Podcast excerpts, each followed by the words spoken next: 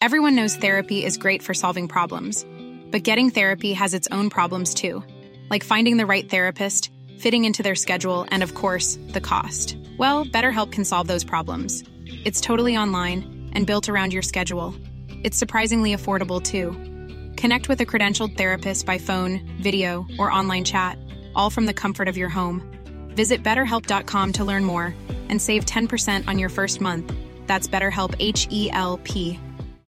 Life is full of what ifs. Some awesome, like what if AI could fold your laundry?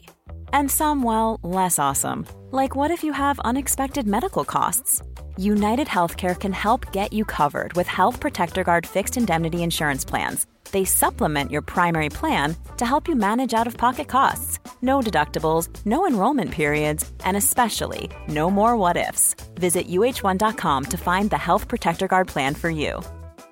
Ryan Reynolds here from Mint Mobile. With the price of just about everything going up during inflation, we thought we'd bring our prices down.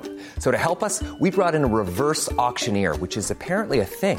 Mint Mobile unlimited premium wireless. Ready to get 30, 30, bit to get 30, bit to get 20, 20, 20, bit to get 20, 20, bit to get 15, 15, 15, 15 just 15 bucks a month. So, Give it a try at mintmobile.com slash switch. $45 upfront for three months plus taxes and fees. Promo for new customers for limited time. Unlimited more than 40 gigabytes per month. Slows. Full terms at mintmobile.com. Hey, it's Ryan Reynolds, and I'm here with Keith, co-star of my upcoming film, If, only in theaters May 17th. Do you want to tell people the big news? All right, I'll do it. Sign up now and you'll get unlimited for $15 a month and six months of Paramount Plus Essential Plan on us. Mintmobile.com slash switch. Upfront payment of $45 equivalent to $15 per month. Unlimited over 40 gigabytes per month. Face lower speeds. Videos at 480p. Active Mint customers by 531.24 get six months of Paramount Plus Essential Plan. Auto renews after six months. Offer ends May 31st, 2024. Separate Paramount Plus registration required. Terms and conditions apply if rated PG. Denna vecka sponsras Market Makers återigen av tradingmäklaren IG.com. Hos IG kommer du åt över 17 000 marknader i en snabb, tydlig och dessutom prisbelönt plattform. Upptäck där möjligheterna på att handla med index, valutor, aktiemarknaden med mera, med mera. IG erbjuder handel med både turbovaranter, CFDs och optioner och du kan enkelt välja om du vill exponera dig mot en uppåtgående eller fallande marknad. Öppna ett konto direkt i appen eller på IG.com, men kom ihåg att all handel med finansiella instrument är förenat med risk. Vi säger stort tack till IG. I'm amazed how many people own stocks. They, they would not be able to tell you why they own it. They couldn't say in a minute or less why they own it. Actually, you really press them down, they'd say the reason I own this is the sucker's going up. There's enough cash in the financial system, and there's an infinite amount of cash at the Federal Reserve, an infinite amount of Put that check in a money market mutual fund. Then we'll reinvest the earnings into foreign currency accounts with compounding interest, and it's gone. So they had to do something. All they had left was just to print money and start buying things. And that's what they did. Quick buck artists come and go with every bull market, but the steady players make it through the bear market. They say money can't buy happiness. Look at the fucking smile on my face. Hej och välkommen till ett nytt avsnitt av Market Makers. Hur är läget med dig Fabian? Det är alltid fantastiskt. Portföljen är på topp. Så att, Oj, är det eh, nya all time high alltså? Eller? Nej, jag vet faktiskt inte. Jag har inte loggat in på två veckor. Det är också en strategi att strutsa. Den har varit väldigt framgångsrik för, för en hel del människor. desto äldre man blir, desto mer inser man man skiter i hur det svänger dag till dag, förutsatt att man inte har någon jäkla intradagstrade. Men det har jag inte. Senaste året, som jag har sagt tidigare, så har jag bara legat toklång. Och det har funkat hittills. Nej, och jag... Det funkar tills det inte funkar och då spränger man portföljen. Men vad fan. Jag tycker egentligen börjat vända upp lite här igen den senaste veckan här och eh, börjar närma mig i alla fall nytt all time high, men inte riktigt där än. Så att eh, man får kämpa på helt enkelt och eh, strutsa vidare, som du säger. Några som definitivt kommer få strutsa, som jag känner att jag måste lyfta ändå, det är det här bolaget Ilonsi som är ute och annonserar i sociala medier och framförallt ger bort aktier i olika tävlingar. Och jag ska inte klanka ner så mycket på bolaget, jag vet egentligen inte mycket om dem. Det är någon form av turkisk influencerplattform. Eh, det en del varningslampor lyser ju förstås av det, men det behöver inte vara någonting dåligt. Men däremot tänkte jag att faktiskt vi måste ändå kommentera på det här med när man lottar ut onoterade aktier. Och framförallt då så säger man ju, bland annat var det ju det här kontot Hemnetknarkarna som är ett jättestort eh, konto som delar roliga Hemnet-annonser. Eh, det kontot vart ju avstängt nu, de vart ju rapporterade för eh, att de hade gjort en sån här tävling. Men sen är det också ett gäng sådana här så kallade finans-Instagram-konton som de kör ju löpande sen samarbeten där de delar ut själva pengar för att få följare och, eh, eller ibland då med till exempel bolag som i Lonzy där man då delar ut aktier för att få följare. Eh, och det i sig kan man ju ifrågasätta också varför man ska behöva köpa sina följare istället för att leverera bra innehåll. Och anledningen till att de vill köpa följare det är förstås för att desto fler följare de in, får in, desto mer pengar tjänar de. Deras största inkomstkälla brukar oftast vara deras Instagram-konto. Men det vill säga i alla fall att då körde man en tävling där man sa att vi låter ut aktier som är värda 100 000 kronor och jättemånga klickade ju på det här och tyckte det var jättespännande. Men två saker som man tar med sig. Först och främst, vem är det som har satt den här värderingen? Vem är det som säger att det är värt 100 000 kronor? Jo, det är bolaget själva som har hittat på att det här bolaget ska vara värt så här mycket. Du får så här många, eh, som stor andel av det bolaget och det är värt 100 000. Men, men det är en hittepåvärdering, den har de tagit fram själva, så det finns ingenting som säger att den behöver stämma. Det kan visa sig att bolaget är värt tio gånger de pengarna om, om tio år, men det kan också lika gärna vara värt noll. Eh, så ta det med en stor nypa salt. Och det andra, det är ju att det här är en onoterad aktie, så det är alltså ingenting du kan handla med. Så att de här 100 000 kronor du får i aktier, de är inte värda 100 000 för du kan inte sälja dem till dem. Eh, så jag vill bara att man ska ta med sig det när man ser det här i, i sociala medier. Att, eh, för det har blivit större och större här och jag tycker att det är, ja, det är väldigt märkligt helt enkelt och värt att kommentera. Med det sagt, vill du vinna 50 000 kronor? Dela då det här avsnittet och swisha oss 100 000 kronor så kan du vara med i en tävling och vinna 50 000. Fantastiskt. Precis, jag kan till och med dra till med att eh, man kan vinna aktier då i vårt eh, bolag bakom podden. Eh, och de här aktierna kommer ju då värderas till 50 000 miljarder kronor. Och det är en helt oberoende värdering som Fabian har gjort av bolaget. Så att det, det är en väldigt värd tävling att vara med och ni lägger bara in 100 000 för att få vara med. Så jag känner att det är rätt bra risk-reward på den. Men oavsett, vi går vidare till dagens avsnitt. Och det handlar ju faktiskt om serieförvärvare och framförallt då serieförvärvare inom gamingbranschen. Vi kommer göra en liten update på Embracer, kanske ett av de mest populära innehaven just nu eh, inom, eh, privat, hos privatinvesterare i Sverige. Och så tänkte jag faktiskt prata lite om Media and Games Invest, som är ett liknande typ av bolag. Det har ju poppat upp ett gäng sådana andra serieförvärvare, både inom gaming men också andra sektorer. Eh, men framförallt ett par inom, inom gaming som det pratats mycket om. Vi har väl Enad Global 7 som är gamla Toadman Interactive. Vi har ju Sordic som har dykt upp. Vi har även eh, SoSap, är väl det senaste tror jag som noterades. Eh, vi har också som sagt Media and Games Invest som jag ska prata lite grann om. Och sen är det förstås Embracer, och det är Embracer som har lett vägen här. Eh, i och med att Embracer dessutom har gått så bra så har ju många, och dels har ju flera av de här bolagen dykt upp och de har kommit till börsen.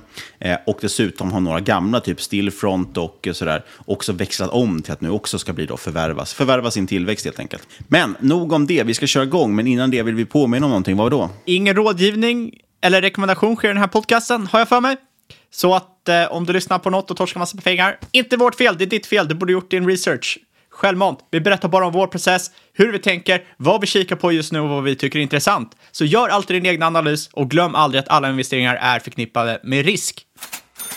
Och innan vi kör igång vill vi också presentera veckans sponsor Green Apps Technologies som nu ska göra sin pre-IPO-runda. De ska alltså gå till börsen, men nu tar man då en första emission innan det, där man gör en ägarspridning, tar in nytt kapital och så vidare. Och vi välkomnar då in till podden Ninni Wikström som är vd och grundare för Green Apps Technologies. Vill du berätta lite om vad Green Apps Technologies är och eh, kanske lite om er eko-appen också som en del säkert känner till? Ja, tack snälla för att jag fick komma. Green Apps är eh, ett techbolag, som, grönt techbolag som eh, gör tekniska plattformar inom hälsa och hållbarhet. Så Ekoappen är vår första plattform och eh, vi nylanserade förra året. Jag har drivit det i ganska många år själv och sen så fick jag möjligheten att växa ganska snabbt här för två år sedan med nya delägare och en ny partner. Och vi har tagit det till helt nya höjder. Så nu är det en av Sveriges största contentplattformar för naturlig hälsa och hållbar livsstil. Med artiklar, eh, experter, hälsoprofiler, recept, eh, Ja, en massa, massa härligt innehåll för att inspirera fler människor till att göra bra val i vardagen. Så det är fokus på, på grönt, på hälsa, hållbarhet. Eh, vad ska ni växa mer framåt? Vad ska ni lansera mer för någonting förutom ekoappen? Vilken typ av plattformar bygger ni? Precis. Nu, nästa plattform som vi ska släppa är en föreläsningsplattform Eh, så det kommer bli ehm, unika, härliga föreläsningar som släpps en i veckan till en början. Eh, och det är för att man ska kunna både liksom lära sig lite djupare om de olika ämnena men också att vi ska nå en bredare publik. För det är ju faktiskt så att alla människor kanske inte älskar att läsa, även om man tror det. Eh, precis som här nu, vi lyssnar på en podd. Och ehm, så ser vi att framtiden är att många vill lyssna och titta också. Så vi vill liksom erbjuda en ännu mer, en större liksom, valmöjlighet helt enkelt. Eh, och ni gör en pre-IPO-runda. Berätta gärna lite om den och eh, kanske också om vad planen är när ni ska gå till börsen och så. Precis. Det vi satsar på nu är att ta in pengar i den här nyemissionen till både att kunna göra den här noteringen under nästa år eh, och den nya plattformen då. Vi har stora, stora planer för efter vi har gjort en notering så ska vi också faktiskt titta på en utlandsexpansion. Så vi har en jätte, jätteljus framtid och den här pre-IPO som vi har nu som sagt, den, är, den lanseras idag. Eh, och vi ska ta in 6 miljoner för att verkligen kunna storsatsa nu när vi ser att, eh, att vi har liksom uppfyllt alla nyckeltalen och målen som vi hade som eh, satt upp som målsättning. Vi nådde till exempel break-even ett år tidigare än vad vi hade räknat med. Så att vi ser att, ja, vi ser att det här är verkligen framtiden. Och varför tycker du att de som lyssnar på den här podden ska vara med i eran pre-IPO? Eh, jag säger så här, det här är det viktigaste som finns. Vår hälsa och hållbarhet och vår planet, det är liksom, allt annat kan kvitta. Om inte vi tar hand om det, då eh, spelar ingenting annat någon roll. Helt enkelt, om man ska vara krass. Och eh, ja, vi har en fantastisk framtid. Alla, alla som hänger med vet ju att eh, hållbarhet och hälsa, det är liksom det som folk fokuserar på just nu. Och kommer att fokusera. Det är en växande marknad och kommer vara så lång, lång tid framöver. För att vi vi måste, vi måste göra skillnad liksom, tillsammans. Ni tar ju in, som du sa, där, 6 miljoner nu. Eh, värderingen kring det, eller som ni får då, det är ju 30 miljoner drygt på bolaget. Var kan man läsa mer om det här någonstans och hur ska man eh, signa upp om man är intresserad av att eh, teckna aktier i det här? Eh, man går in på fundedbyme slash greenapps. Där hittar man all eh, kampanjinfo och kan också boka sina aktier. Vi har förutom eh, en jättefin framtid som jag sa med eh, ökat bolagsvärde och, och hela den biten med att man hjälper till och, och nå en bättre framtid. Så har vi också härliga bonusar. Vi har en hälsoweekend som vi hoppas att jättemånga kan haka på. För vi vill, älskar att ge tillbaka till våra delägare. Eh, både på kort och lång sikt. Och vi räknar faktiskt med att vi ska kunna ge tio gånger pengarna inom tre år. Så vi har eh, både liksom en ekonomisk uppsida men också ja, det här att man gör det med hjärtat. Så det är liksom två, två viktiga saker. Så gå gärna in på fundedbyme.com greenapps eller klicka på länken i avsnittsbeskrivningen så kommer ni direkt dit så kan ni läsa mer. Och kom ihåg att alltid läsa prospekt och andra saker när ni ska lägga pengar på en investering. Säg stort tack till Green Apps. Ja, serieförvärvare inom gaming och jag tänkte prata lite om Media and Games Invest. Ticker M8G och de är noterade på First North och faktiskt även Frankfurtbörsen. Och det man får tänka på med många av de här serieförvärven, det är alltid så här när det kommer en ny trend på börsen. I det här fallet så var det Embracer som ledde vägen med att de var serieförvärvare, det vill säga att de köper väldigt mycket av sin tillväxt. De köper massvis med olika spelbolag och det gör att de växer snabbare då än om de bara hade liksom byggt spelen själva. Varje gång det blir en sån trend, det är, det är som när det liksom varit väldigt hett med blockchain, då skulle alla lägga in det i sitt namn. Då lanserade det gamla kamerabolaget Kodak, de lanserade en egen Kodak Coin, en kryptovaluta. Eh, så gick den aktien iväg på det. Long Island Ice-T Corporation, de hette, de döpte ju om sig till Long Island Ice-T Blockchain Corporation eller något sånt. La de in sitt ticker och gick upp 100 procent. Classic. Så det är alltid så när det blir någon ny trend där många bolag går åt en viss sektor eller en viss eh, liksom, affärsmodell, då vill många andra haka på. Och det har vi ju sett med de här serieförvärvarna, både inom gaming som sagt, men också andra typer av eh, förvärv. Embrace som sagt ledde vägen där och har gjort jättelyckat. Lars har gjort ett fantastiskt bygge och eh, ja, byggt upp det här till ett gigantiskt bolag idag är det ju verkligen. Det är en av världens största spelutvecklare då. Eh, och då har det såklart kommit jättemånga andra bolag som också är Vissa är jätteintressanta, men vissa kanske är lite mer tveksamma och kanske har lite mer tveksam kvalitet på de spel de utvecklar och de framförallt förvärv de gör. Eh, för det är enkelt att säga att man förvärvar någonting, men det man förvärvar måste ju också vara värt något. Det måste ju vara ett bra bolag, man köper det också. Eh, och ett bolag som jag i alla fall tycker är ganska intressant är Median Games Invest. Men det är ju som sagt ett mycket mindre bolag än Embracer. Det kan ju dels betyda en möjlighet, men det kan framförallt också betyda att det är mer obeprövat. Vi vet inte än om de kommer lyckas med resan och så vidare. Men då är det som så att vissa av de här bolagen är väldigt små. Eh, vi kan ju bara ta som exempel, eh, nu är det inte meningen att klanka ner på dem på något sätt, jag säger inte att det är ett dåligt bolag, men Sordix till exempel är ju ett ganska litet bolag. Jag tror att de i Q1 omsatte under en miljon. Det kan man jämföra då mot just eh, Median Games. Jag kommer säga M8G, det går lite fortare. De omsatte å andra sidan en halv miljard under Q1. Så det är inget litet bolag vi pratar om. Det tycker jag ändå man ska vara tydlig med, att det här är inte liksom ett nytt koncept de hittar på, eller ett nytt bolag som kommer från ingenstans. Utan det är faktiskt ett ganska stort, betydande bolag. Listade på First North som jag sa, men också Frankfurtbörsen. Och det är för att det i mångt och mycket är ett tyskt bolag.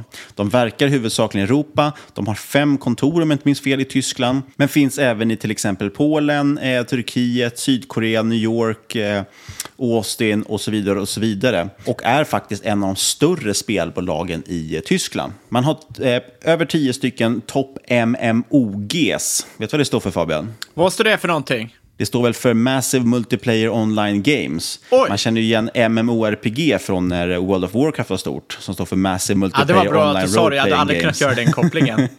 det här är samma sak, bara det är inte bara RPGs, alltså rollspel, utan det här är olika typer av online-spel. Framförallt väldigt mycket mobilspel. Eh, de har just fem, eh, över 5000 casual games, och det handlar ju framförallt om, om olika typer av mobilspel som är väldigt casual. Man ska nog ta de här siffrorna med en nypa salt, för att majoriteten av de här spelen genererar ju inga intäkter. Så är det ju när man gör mobilspel. Det mesta floppar ju och det mesta blir ingenting. Så det är ganska få de här. Det är de kanske de här tio stycken man nämner som faktiskt genererar signifikanta intäkter. Men man har väldigt många spel in-house som man har köpt upp. Men det jag vill säga är helt enkelt att det är ett ganska stort bolag som redan har rätt mycket liksom IP och, och, och tillgångar som man äger. Så det är inte så att man börjar från scratch, det här bolaget. Utan det är en resa som har pågått ett tag. Man har sin grund egentligen 2012, då Remco Westerman, om man nu tar, hur man nu uttalar det, han köpte egentligen upp då ett bolag som heter Gamigo. Och jag kommer komma in på det, eh, vad det är för bolag. Men han köpte upp det och försökte stöpa om det då till en- just en sån här ma maskin Så att man skulle börja förvärva egentligen. Eh, 2018 slog man då ihop det kan man säga med Median Games Invest. Eh, eller snarare liksom sålde dit, flyttade dit aktierna. Så att det här blev då en del av en större operation. Man ska ha två stycken ben som vi kommer komma in på, alltså media och games. Eh, och sen har man då också börsnoterat sig då. Eh, och det är som sagt den här Remco Westerman, han är ju en ganska viktig rollfigur. Precis som att i Embracer så är det Lars Wingefors som är liksom den som rattar väldigt mycket och som är den man måste kanske någonstans sätta sin tillit till. Han är den som har drivit bolaget. Och här är det samma sak. Remco Westerman är grundare kan man då säga. Eh, han är också vd och ordförande. Han äger också eh, en tredjedel, eller närmare en tredjedel av bolaget. Så han är en viktig signifikant figur som fortfarande har ett finger med i spelet. Man har en ganska kort historik då, om man tittar på Median Games Invest-bolaget. Där har vi bara från 2018, men sedan dess har man haft kagger, eller en snitttillväxt på 76 procent per år. Så det är ganska, liksom, man har haft en bra tillväxt i alla fall de senaste åren och man har under de senaste sex åren förvärvat mer än 30 bolag. Så det snurrar på rätt fort det här. Men vad gör man då för någonting? Jo, spel är ju ganska tydligt. Man har två ben som sagt, man har media och games. Och jag tänker att vi kanske börjar, games-delen kommer vi komma in på, men den är ganska självklar på sätt och vis, för det handlar om spel. Men jag tror att mediadelen är kanske det som många är lite nyfikna på vad det innebär. Och den del som jag framförallt var mest skeptisk till i början, för jag tyckte så här, vad är det man håller på med inom media egentligen? Är det DVD-utgivning eller vad är fascinerande för någonting?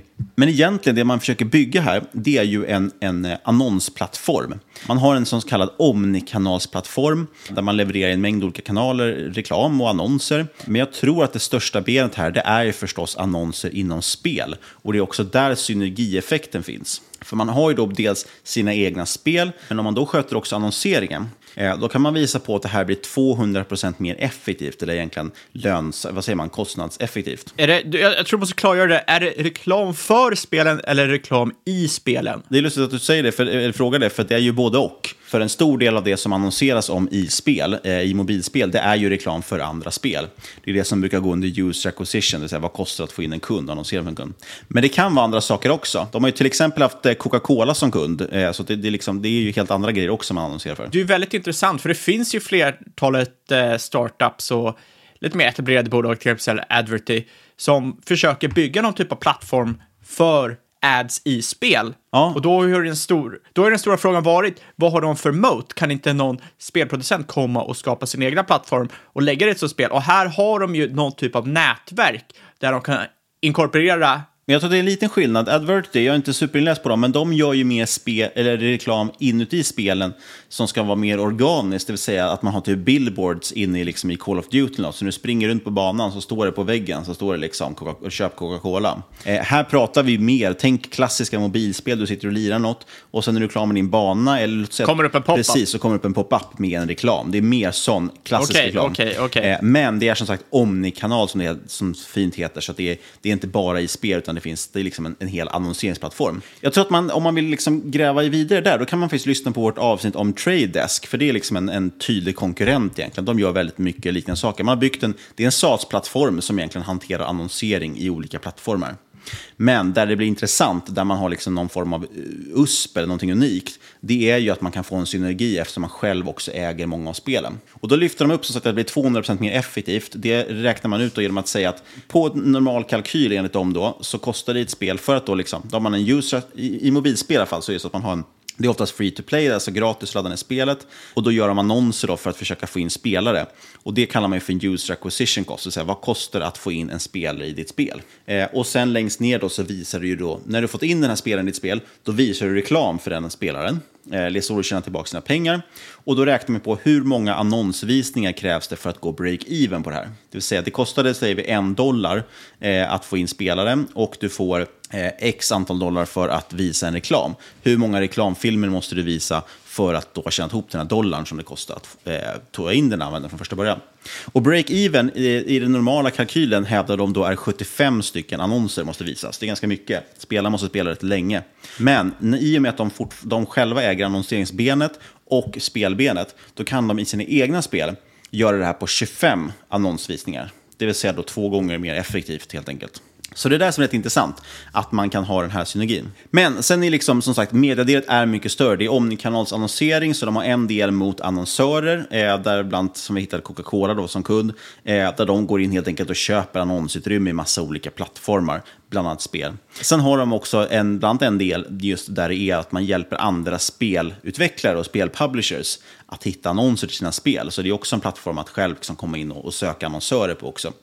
Eh, och det är då när man stoppar in sina egna spelare som man får en viss synergi förstås. Fördelningen kanske jag ska säga med de här två benen, för vi har gamingbenet också. Fördelningen är faktiskt 50-50 sett till omsättning. Och man gör förvärv i båda delarna. Sen kommer vi till gamingdelen och då har vi det här bordet Gamigo som han eh, som han Remco Westerman köpte upp då för ett antal år sedan.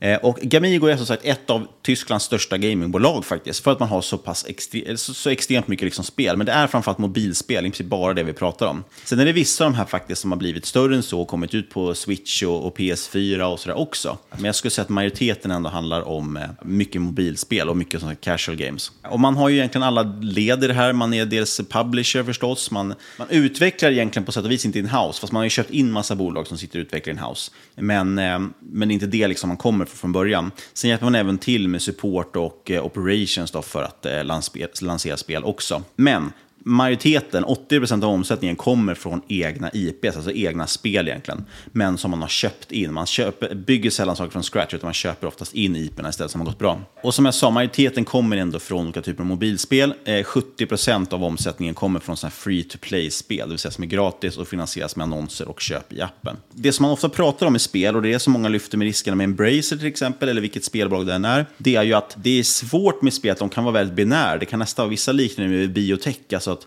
eller medicin, liksom att ja, men om du inte lyckas få ditt FDA-godkännande, då blir din medicin värd noll. Eh, och lite samma tanke finns ju i spel, att oftast blir ett spel antingen en superhit, eller liksom en, åtminstone en hit i alla fall, eller en total flopp. Antingen är det ingen som spelar alls, eller så är det ganska många som spelar. Och därför är det ju viktigt, det är det som jag tycker personligen styrka med till exempel Embrace, att de är så diversifierade.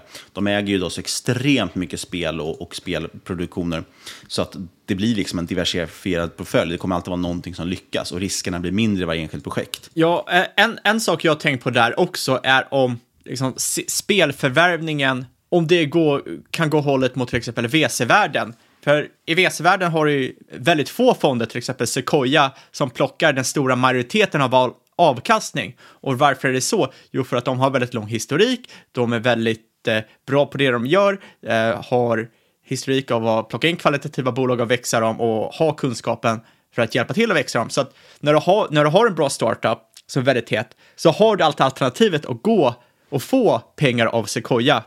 Och det är i sig en kvalitetsstämpel på bolaget. Om du inte har en tillräckligt kvalitativ startup, då långsamt måste du gå neråt i rank bland de här VC-fonderna. Och jag undrar om det kan vara samma sak för spelförvärvarna. Eh, om Embracer förr eller senare kommer nå någon typ av kultstatus bland mindre spelstudios, att det finns någon kvalitetsstämpel att sälja in sig till Embracer, att bli uppköpt av Embracer, snarare än någon annat alternativ eller någon konkurrent. Eftersom Embracer har en historik att ha sån hög kvalitet på sina spelstudios. Det är en superbra liknelse och superbra tanke. Dels finns det en superbra... Eh, eller först, dels det du säger nu är ju helt sant. Alltså redan idag har ju Embracer den typen av stämpel. Eh, spelutvecklare vet också att dels man kan gå ingå där, man kommer få fortsätta att sköta sitt företag som man vill, alltså man kommer få leva vidare fritt där. Eh, så, så är det absolut. Så det är därför man ska alltid fundera på varför går någon in i ett mindre bolag som ja, nu ska jag inte kasta skit på de andra bolagen, men om man går in i ett mindre av de här bolagen så är det lite oftast med tveksamma spel kanske. Kommer det verkligen bli bra de här spelen? Sen det andra... Exakt, varför har inte de blivit köpta av Embracer? Eh, eller fått det alternativet? Ja, men exakt. Och sen så finns den andra tanken.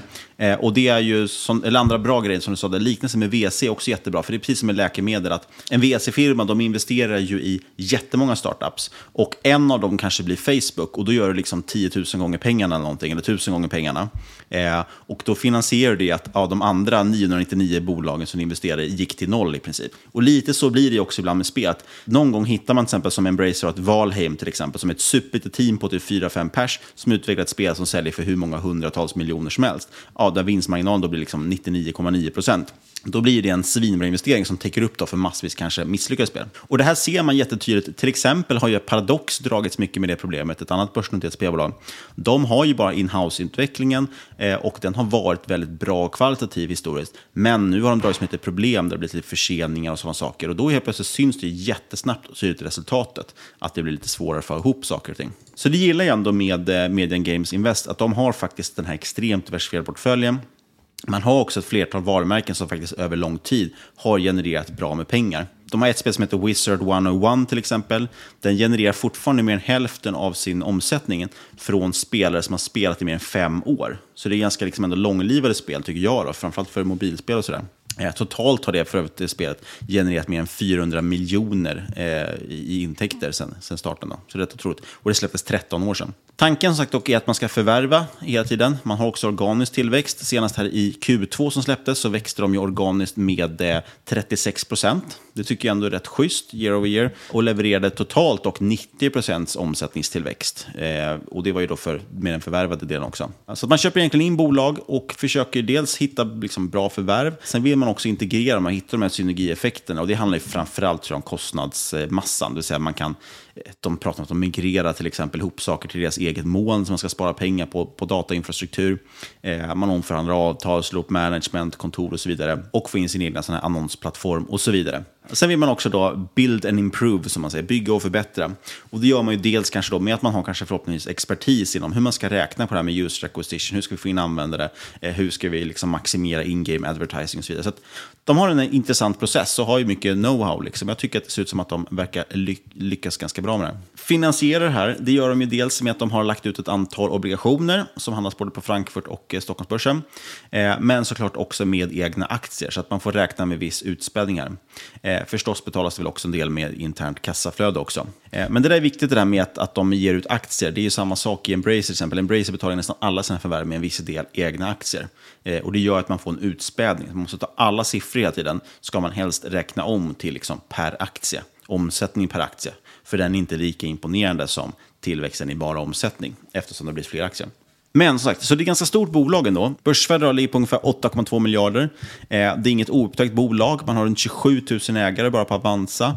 Eh, aktien är upp 170% year to date. Och då kan ju det låta ganska dyrt, men jag har en... Eh, ja, så som man ska titta på det tycker jag. Det är väl framförallt ganska intressant att titta på omsättningen. Vinsten är inte superimponerande, eh, men den finns där. De har fortfarande, går med vinst, eh, men det handlas till P90. Embracer har också legat i de krokarna. Nu ligger till och med Embracer på negativt om man kollar på börsdata. Men, eh, men, men P90, men det är intressant att väl kolla på omsättningen, för det är det framförallt man fokuserar på att, att eh, växa. Och där kan man jämföra mot Embracer, det är ett ganska bra jämförelseobjekt. Och Embracer handlas till PS8 idag. Eh, I och med att, då att eh, Median Games är betydligt mindre, betydligt mer riskfri, eller risk liksom, det, det, är högre risk i det eftersom det är mindre beprövat, så tycker jag det ska vara billigare. Eh, och det är det också för det handlas till PS3, så det är mindre än halva eh, omsättningsmultipeln då från Embracer. Kollar man på skuldjusterad bas, alltså EV Sales, då har Embracer ett EV Sales på runt 7,4 och M8G har alltså på 2,2, så det är ännu billigare sett till det. Här kan man jämföra då, återigen, jag ska inte slänga skit på, på Sordix och så, men Sordix har ett PS27. Så det är ganska stor eh, skillnad på de här båda. Där får man betala betydligt mer än man betalar för Embracer. Vilket jag tycker känns lite fel när det är en mer obeprövad modell. Följs av ett antal analysfirmor. Det kan vara bra också ställa att börja gräva lite grann. Eh, Redeye bland annat och även Pareto är de som finns här i Sverige som följer dem. Redeye har ett base case på 75 spänn. Det är alltså upp 50% från dagens nivå, då som ligger kring 50-55 spänn. Eh, och som sagt, aktien är upp 170% year to date, så den har gått riktigt, riktigt bra i år. Men det tycker jag i alla fall fortfarande är ganska billigt med tanke på att det hamnas på EV Sales på runt 2. Eh, om man då jämför med vad de andra serieförvärvarna brukar värderas till. Eh, och Q2 som jag sa, 90% omsättningstillväxt, varav 36% organiskt. Eh, man justerar ju jävligt mycket nyckeltal bolaget, vilket vi inte är så jätteförtjusta i, men det är lite som det är. Eh, justerad ebitda upp 127% och framförallt det som är intressant är att marginalen ökar från 22 till 27 procentenheter. Eh, det är jätteviktigt i det här bolaget och det som jag tycker är intressant, det är att man ser att omsättningen växer stadigt eh, år till år, eller kvartal till kvartal till och med. Eh, och då åker faktiskt också vinsten upp, så lönsamheten ökar lite grann hela tiden. Vilket jag tycker visar på att man börjar nå någon form av skalbarhet här som är intressant.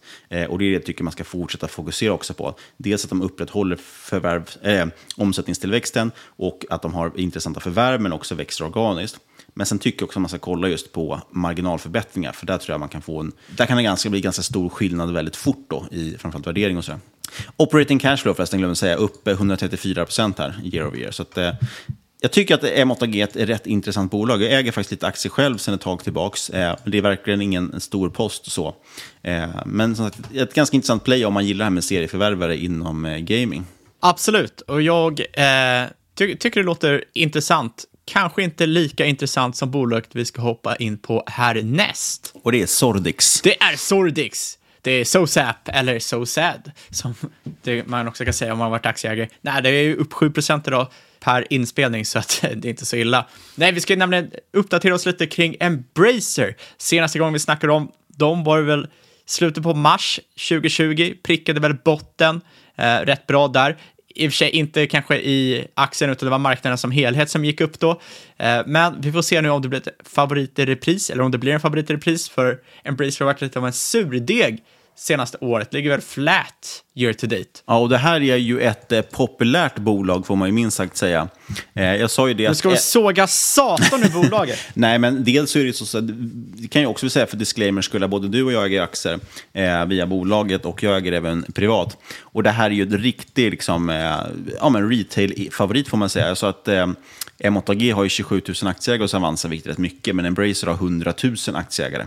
Så det här är ju ett, eh, ett väldigt omtyckt bolag och dessutom ett börsvärde på över 100 miljarder, så det är ett stort, stort bolag också. Eh, men eftersom vi redan har snackat om Embracer ett flertal gånger, vi började snacka om den när det hette THQ Nordic, så tänkte jag att vi håller lite kortare om själva bolaget och snackar lite mer om kring caset och värderingen och så vidare, för det är egentligen det som är intressant just nu. Men snabbt för att återkoppla. Embracer har ju sisådär åtta verksamheter, lite svårt att tyda för att det står lite olika lite vart man än kikar. Eh, men totalt innefattar det över 77 spelstudios, över 240 IPs. Lite lätt kan man säga att du har Kockmedia, där man ibland särskriver det, ibland slår ihop det med deras avdelning Deep Silver. Och det här är alltså publishing, det är en av världens ledande publishers. Här ingår även QA-bolaget Contic Lab, och Deep Silver har 10 studios, de har fyra publishers och kända IPn som till exempel Metro, Dead Island och Saints Row. Har nya förvärvet Easybrain, det är en ledande mobilutvecklare. Man har stora spel som till exempel Sudoku.com och Killer Sudoku. Sen såklart har du klassikern THQ Nordic och här ingår till exempel Amplifier. Du har 16 studios, två publishers och från THQ Nordic kommer bland annat Biomutant, Darksiders och The Guild, bland många fler. Du har Deka Games slash Crazy Lab som är en ny merger. Fem studios slash publishers. Gearbox, nytt uppköp, utvecklare, studio. Här ingår bland annat Borderlands, Brothers in Arms, Duke Nukem. Det är bara två till verksamheter jag ska gå igenom, men ni hör redan kvalitativa spel. Det vet ni säkert redan om, ni som lyssnar. Du har Saber Interactive, här är 14 studios, en publisher. Um, det är de som har skött adaptioner av Witcher 3 till till exempel konsoler. De har även kört World War C.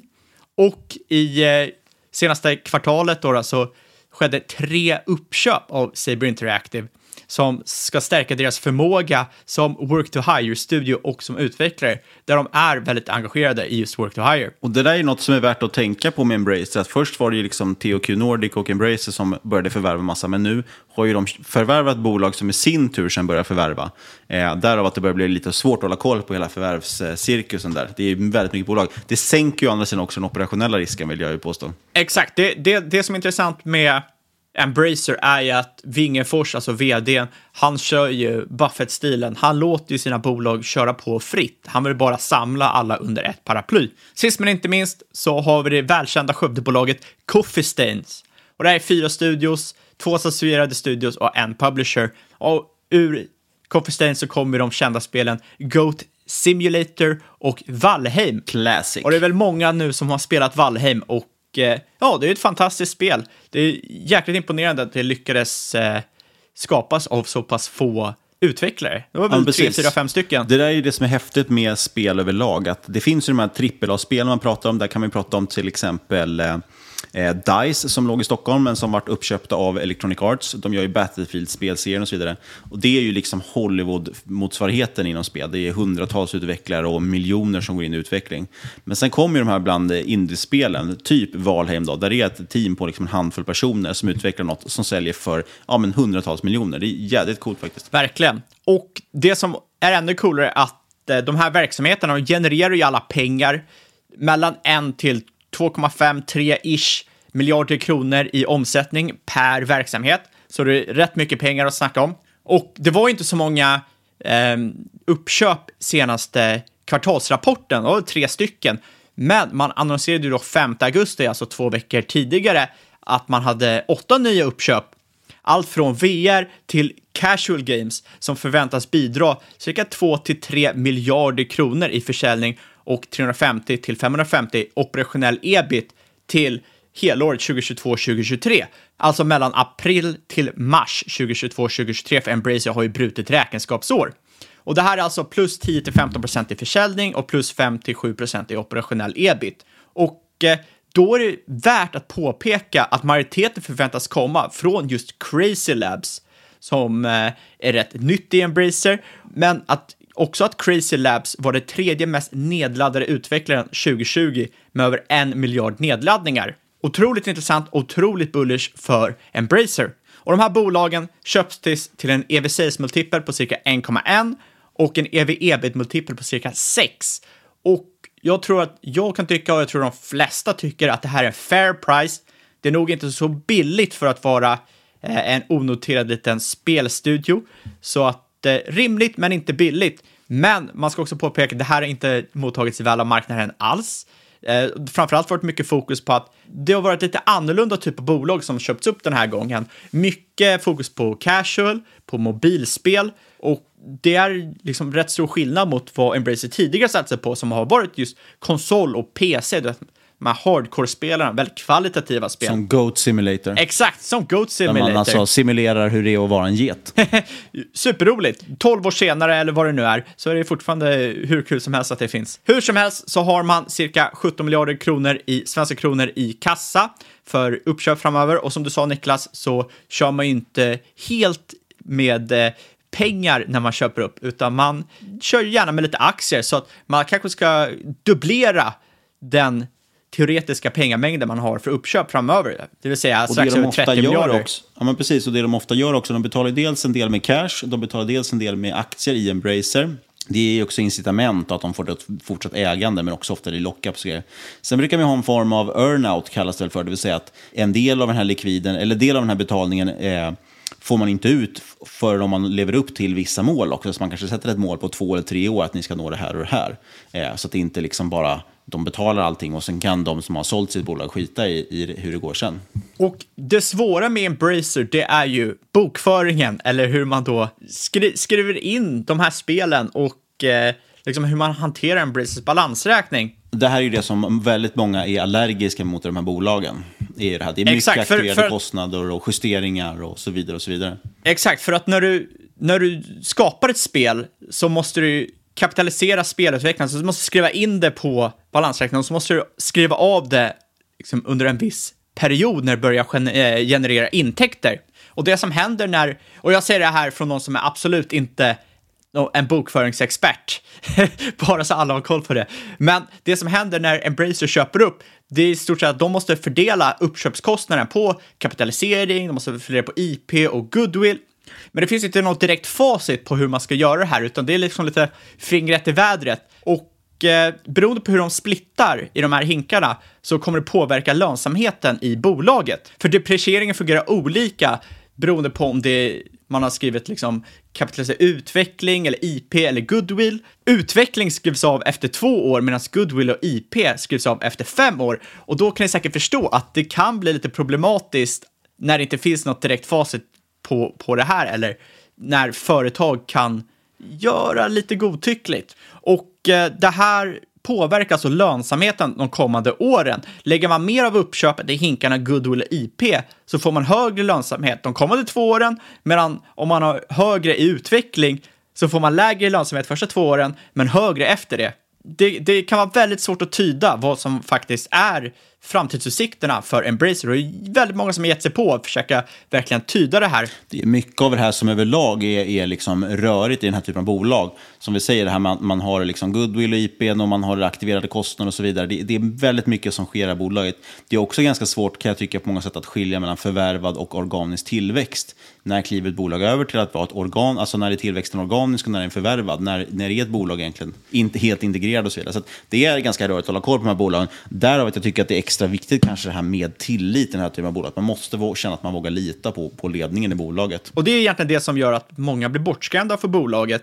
För att vi vill ju inte behöva lita på en ledning. Det är jättebra att man har en ledning där som man kan lita på att ta bra beslut. Men du vill inte ge hela din tillit till ledningen oftast. Eh, förhoppningsvis så kan eh, det priset man betalar för Embracer idag väga upp för eventuella överdrifter i lönsamhet eller att till exempel det operativa kassaflödet blir uppblåst.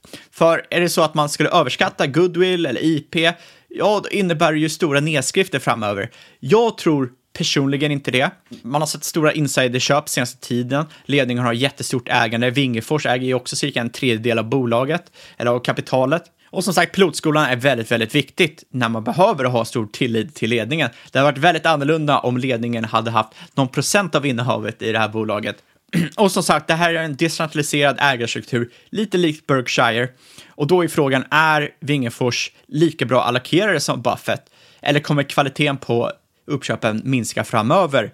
Hittills har ju Wingefors visat att han föredrar kvalitet framför något annat och troligtvis kommer det fortsätta vara så. Jag tror inte att han kommer försöka blidka aktiemarknaden och ta in lågkvalitativa case för att pumpa upp lönsamheten kortsiktigt. Samtidigt som såklart att han förstås kommer tappa kontrollen mer och mer desto större det blir och desto fler som förvärvar åt honom.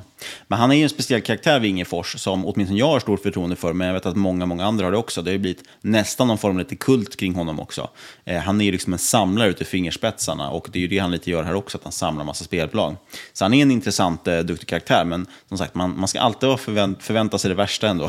för det kan ju visa sig vara precis vad som helst i alla typer av bolag. Hur gick eh, Q1 här då? Ja, Q1 kom in förra veckan. Embracer har som sagt brutet räkenskapsår, men det var en väldigt stabil rapport får man säga. Eh, net sales upp 66% year on year in line med estimat. Det var också bra organisk tillväxt på cirka 10% trots att man hade starka komps från 2020. Värt att påpeka att spelet Biomutant var en succé. Man återhämtade sin investering på cirka en vecka. Man sålde cirka en miljon kopior. Och där var det många som trodde att det var en flopp när det kom, för lite tveksamma re- recensioner i början. Men som sagt, man måste lita på Lasse. Exakt, det återhämtar sig alltid. Alltså där som vi så säga. Varje dipp Men, ska ah, köpas. Nej. A, a, a, absolut. Man, man var ju väldigt skeptisk mot Biomutant när det släpptes och det visade sig bli en succé, vilket var otroligt kul för bolaget och för, för Lasse. Och det, det som är lite intressant, som man kan kanske dra någon liten lärdom, många sitter ju och följer med recensionerna av spelen på till exempel Steam och sådär för att kolla hur många som spelar kan man följa, men också hur recenserar folk spelet. Och det man märkte då fort, det var ju att eh, ja, men det fick ganska mycket tveksamma reaktioner i början. Eh, och då var det många som trodde att shit, det här kommer inte bli något bra. Eh, men sen kom det ganska fort rapporter om att ja, fast de som har spelat längre än en viss tid i spelet, de ger liksom superpositiva reaktioner. Så det kanske är så att de första recensionerna kom in, det var de som först direkt tyckte att det här var inte så kul och då stängde av och gav en dålig recension. Medan de som tyckte det var roligt, de spelade vidare istället för att ge en recension. Så att nu tror jag faktiskt att recensionen har gått upp lite grann. Det påminner mig om när spelet Cuphead kom ut, som i stort sett är, ja det ser lite ut som ett Disney-spel, men det är fruktansvärt svårt. Det ser ut som de här gamla Disney-animationerna, som de första de hade på 50-60-talet. Steam, Steamboat och Willy och de här. Rätt coolt spel. Men då i alla fall fick de en jätte, jättehård kritik från en rätt eh, fram, liksom, framstående tidning, eller liksom spel, spelskrift, om att det var ett skitspel, det var rätt dåligt. Och så kommer det ut senare att, ja men han som recenserar det här, han kunde inte ens ta sig förbi tutorial, för han var för dålig på att spela Ja, spel. rätt svårt det här spelet. Men kul dock. Absolut. Tillbaka till Embracer. Operationell ebit kom in cirka 4 procent över estimat. Väldigt trevligt. Och något jag tycker man ska påpeka här är att Easybrain, alltså mobilsidan av Embracer, det som aktiemarknaden var väldigt tveksam till, har presterat bättre än väntat. Trots att Apple har gjort, trots Apples ändringar i, i DFA, alltså att man inte får tracka, så göra så här tredjedels tracking, som skulle påverka till exempel mobilspel. Men det har haft mindre effekt än man trott. Otroligt trevligt för Embracer. Det negativa i rapporten skulle man kunna säga är spelförseningar. 70% av helårsguidning ligger nu i Q4. Kom ihåg, vi är i Q1 nu, vi ska in i Q2. Innan var det 50%. Det här, är alltså, det här innebär alltså att det finns ju risk att man missar guidning helt om man behöver förskjuta spel ännu mer. Men man kanske ska tänka Lasse-hållet, att kvalitet kommer alltid trumpa kvantitet. Så om man måste skjuta ett kvartal för att ett spel ska bli bättre så kanske långsiktigt det är mycket bättre för bolaget. Ska man sammanfatta det här så ligger estimaten för Embracer just nu på helåret på EV-EBIT 12 på ett ungefär. Det här är kanske det bästa nyckeltalet eh, för det här typen av bolag, men det ger en bra fingervisning. Det här är alltså historiskt låga multiplar för ett kvalitativt bolag, men det som är intressant nu är att de är starkare operationellt än i stort sett någonsin tidigare. Och mycket är tack vare Wingefors som har långsiktigt tänk som ska ge långsiktig tillväxt. Äger du en aktie i Embracer, förutom i vår bolagsportfölj? Nej, jag äger faktiskt bara i bolagsportföljen just nu. Ja, och snålt. eh, vi, vi, det är ju, men vi har ju faktiskt ökat senaste tiden så det får man inte sticka under stolen med. Nej, så är det faktiskt. Och eh, jag äger ju Embracer eh, privat också, som jag sa. Eh, har gjort det ett bra tag. Faktiskt köpte min aktie första i IPO, när det fortfarande var THQ Nordic. Sålde dem på IPO-dagen, för jag tyckte jag gjort en jävla bra vinst där när den gick upp. Eh, och sen tog det säkert ett år eller något innan jag fattade vad de faktiskt höll på att bygga för någonting. så det var mycket avkastning man missade under den tiden, tyvärr. Eh, men ett fint Ja, bolag. du har gjort många sådana roliga, köpt köp, köpt många teoretiska superbaggers och sen sålt dem på IPO. Ja, men till exempel, så jag kollade faktiskt på häromdagen, för jag såg att alla de här meme-stocksen är upp igen. Eh, eh, GameStop till exempel upp eh, 30% idag här i skrivande stund. Vi spelar in för övrigt den 24 augusti, har vi inte sagt. Tisdagen 24 augusti. Men även AMC är upp 25-26% någonting idag. Och den kommer jag ihåg att jag köpte det i februari. Då gick den ju 100% på en dag. Då var man jävligt nöjd att man dubblar pengarna på en dag. Men hade man hållit kvar den, då hade man ju varit 2000% rikare idag. Eh, så det var lite synd att man inte gjorde det, men nu kunde man inte tro det. Då trodde man att luften skulle gå ur den här bubblan. Men det var inte det vi skulle prata om, om idag, eh, meme stocks. Däremot kan vi påminna om det, apropå vad vi äger i och vad, att saker ibland eh, drar iväg i riktiga bubblor, så ska vi påminna att inget du hört den här podcasten ska ses som rådgivning. Alla åsikter på egna, LV-gäst och eventuella sponsorer tar inget ansvar för det som sägs i podden. Med det sagt, gör alltid din egen analys och glöm aldrig att alla investeringar är förknippade med risk. Precis, och vi vill påminna om att kolla in våra sponsorer, IG.com, ladda ner IG-appen eller gå in på IG.com och registrera idag för att handla på en prisbelönt plattform. Sen vill vi också påminna om Green Apps Technologies som nu gör en pre-IPO-runda. Så klicka på länken i avsnittsbeskrivningen om du vill läsa mer om det bolaget. Om ni vill prata med oss av någon anledning, kontakta oss då på podcast at marketmakers.se. Vi svarar nästan alltid. Det kan ta några dagar eller några veckor, men vi återkommer med ett svar. Vill ni nå oss snabbare? Ja, då kan ni kontakta oss på Twitter at marketmakerspod eller på våra egna personliga Twitters. Och sist men inte minst, Lämna gärna en recension på iTunes så vi klättrar i rankingen och kan skryta för farmor att vi inte slösar bort våra liv genom att prata in en mikrofon varje tisdagskväll. och stort tack för att du har lyssnat. Vi hörs igen om en vecka.